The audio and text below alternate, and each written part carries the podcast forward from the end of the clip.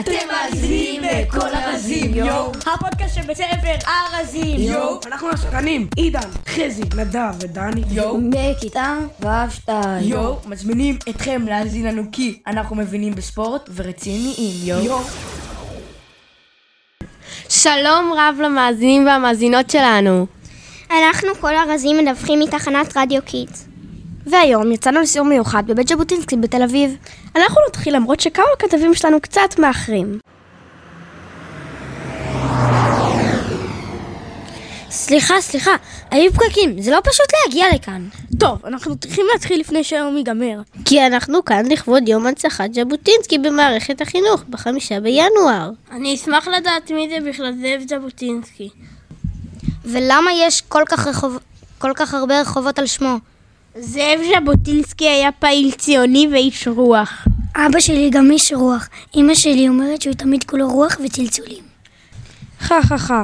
לא הוא היה איש רוח, כתב מחזות וספרים, תרגם שירה ועוד ועוד.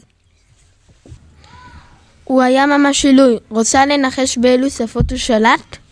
אוקיי, אני אומרת שהוא דיבר ברוסית, ספרדית ולטינית. זה נכון?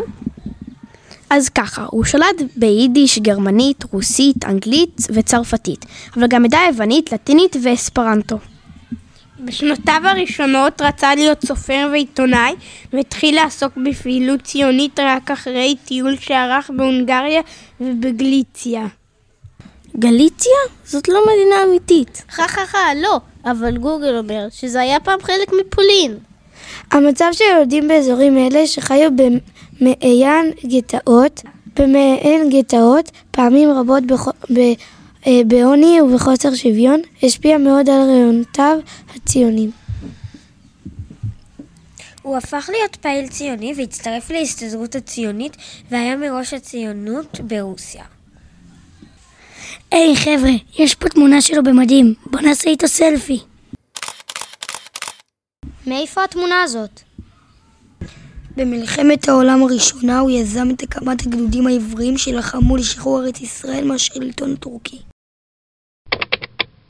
השטג שחרור מהטורקים, השטג הגדודים העבריים. תפסיק עם הסטוריז, עכשיו צריך להמשיך בסיור.